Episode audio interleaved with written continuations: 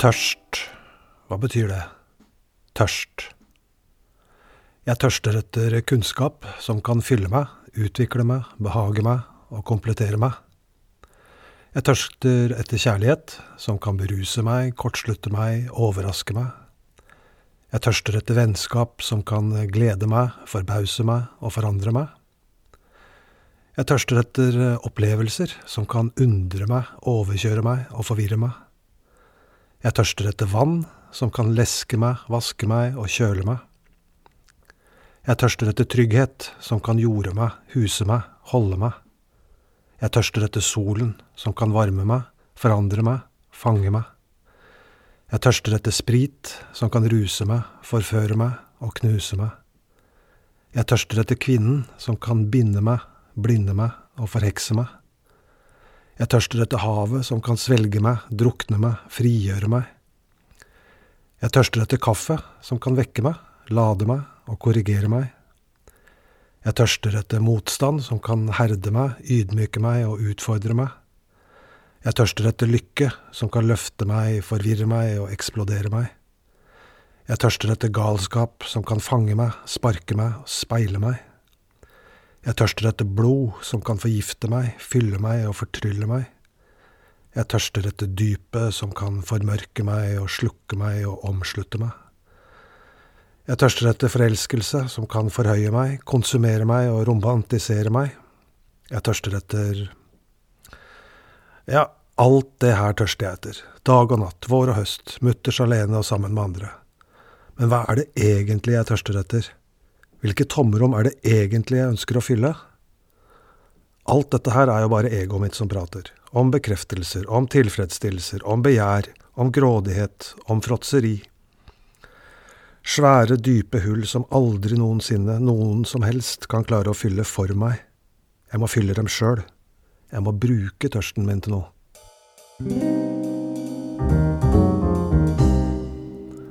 Hei, jeg heter Alexander. Og jeg har forsøkt å bruke denne tørsten til å finne meg sjøl. Jeg tror kanskje at det å finne meg sjøl er noe av det vanskeligste jeg har vært med på. Jeg vokste opp i andre menneskers virkelighet. Jeg ble opplært og forma i et miljø jeg ikke valgte sjøl. Av mennesker jeg ikke valgte sjøl, og med verdier, valg, tro og sannheter som jeg ikke valgte sjøl. Fra det øyeblikket jeg ble født, ble min verden definert for meg, av andre. Og jo lenger tid det gikk, jo smalere og mindre ble den, min verden. Og jeg trodde, fordi jeg var opplært til det, at det var sånn det var. Men det var det jo ikke. Så kom min første protest mot det etablerte, ungdomsopprøret. Lange dager, netter, måneder og år hvor jeg stort sett gjorde det motsatte av det jeg hadde lært. Ikke fordi jeg var smart eller på noen måte opplyst, men fordi jeg protesterte. Fordi jeg var fri, fordi jeg skulle bestemme selv, og fordi jeg hadde et behov for å vise verden fingeren. Men alt det viste seg jo bare å være en uh, illusjon. Nok et sett med regler og retningslinjer kreert av noen andre. Jeg fant ikke meg sjøl i det hele tatt. Men jeg fant mange fluktmuligheter og unnskyldninger. En hel haug med måter å ikke ta ansvaret for meg sjøl på. Ikke at jeg forsto det da, men i ettertid er det lett å se det. For hva var det egentlig jeg lette etter? Visdom? Kunnskap? Gud? Mening? Retning? Eller var det tro? Jeg endte opp med å lage meg et sett med sannheter, basert på svært begrensa informasjon. Jeg hadde sett ting fra én side, i beste fall to, og så hadde jeg bestemt meg. Sånn var det. Jeg var i begynnelsen av 20-åra, visste alt, kunne alt, jeg var utvalgt, spesiell, turte alt, trengte ingen bortsett fra de jeg trengte og brukte for å tilfredsstille begjær, lyst, behovet for rus og behovet for å bli sett opp til. Noen som kjenner seg igjen? Jeg var on top of the world, og ingen kødda med meg. Og derfra begynte vel egentlig nedturen. Men jeg tviholdt på sannhetene mine, nekta å forandre meg. Men folk dømmer bare det de ser, så hvis jeg holdt meg i skyggen, så var jeg fri. Og sånn gikk dagene, ukene, månedene og åra.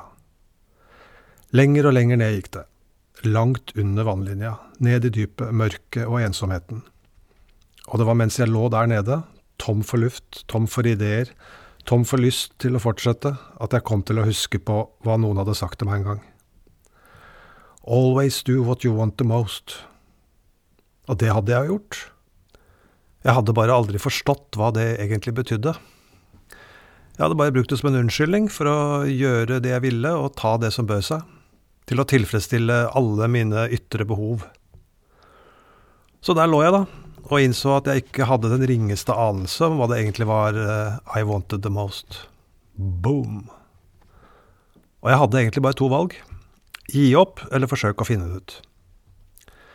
Jeg var 44 år, hadde gjort alt jeg var blitt fortalt skulle gjøre meg lykkelig, og dette var hvor jeg hadde havna. På tide å prøve noe annet, kanskje. Prøve å, live, prøve å leve livet på mine egne premisser. Eller sjekke om det var noen andre som hadde vært der jeg var, og som hadde funnet en annen eh, løsning. Det ble en lang og seig oppoverbakke. Men det behøver jeg ikke å fortelle dere, det vet dere veldig godt sjøl. På den veien ble jeg nødt til å skrelle vekk lag etter lag, sannhet etter sannhet. Livsløgner, ego, hat, fortvilelse, smerte og savn. Alt sammen. Det måtte gå. Vekk med det. På et eller annet tidspunkt trodde jeg nok at eh, det å finne seg sjøl var et mål, et sted, et tidspunkt. Tok feil der også, gitt. For det er veien, reisa, læringene, nysgjerrigheten, sårbarheten, kjærligheten, innsikten, opplevelsen, ydmykelsen, ydmykheten, fellesskapet, troen, tilliten, gnisten i øynene, prikkingen i hjertet. Tilhørigheten, gleden, det er alt det. Det er det som er å finne seg sjøl. Eller noe av det. Eller litt til. Ingen oppskrift. Det er konstant i endring, evig nytt, alltid spennende. Det er å fortsette. Det er å ikke gi opp. Søke videre, finne roen i å ikke vite. Bli komfortabel med å være ukomfortabel. Snakke med andre for å lære, ikke for å diskutere. Slippe å være nødt til å ha rett hele tida. Innse at jeg ikke vet en dritt, men at jeg likevel er perfekt. Å lære å elske seg sjøl for akkurat den jeg er, uten innpakning eller fancy sløyfer. I am enough.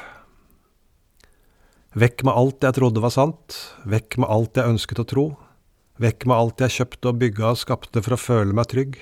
Altså, trygg, hva betyr det? Ja, det er når jeg er ærlig med meg sjøl, dønn ærlig, og da har jeg funnet meg sjøl sånn som jeg er i dag, akkurat her, akkurat nå.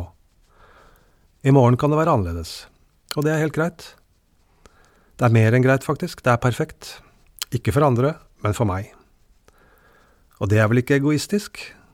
Det er en slags overgivelse i det. Det er å falle og vite at jeg blir tatt imot. Det er å dø, men å vite at jeg blir født igjen. Det har det betydd å finne seg sjøl. For meg. Hva har det betydd for deg?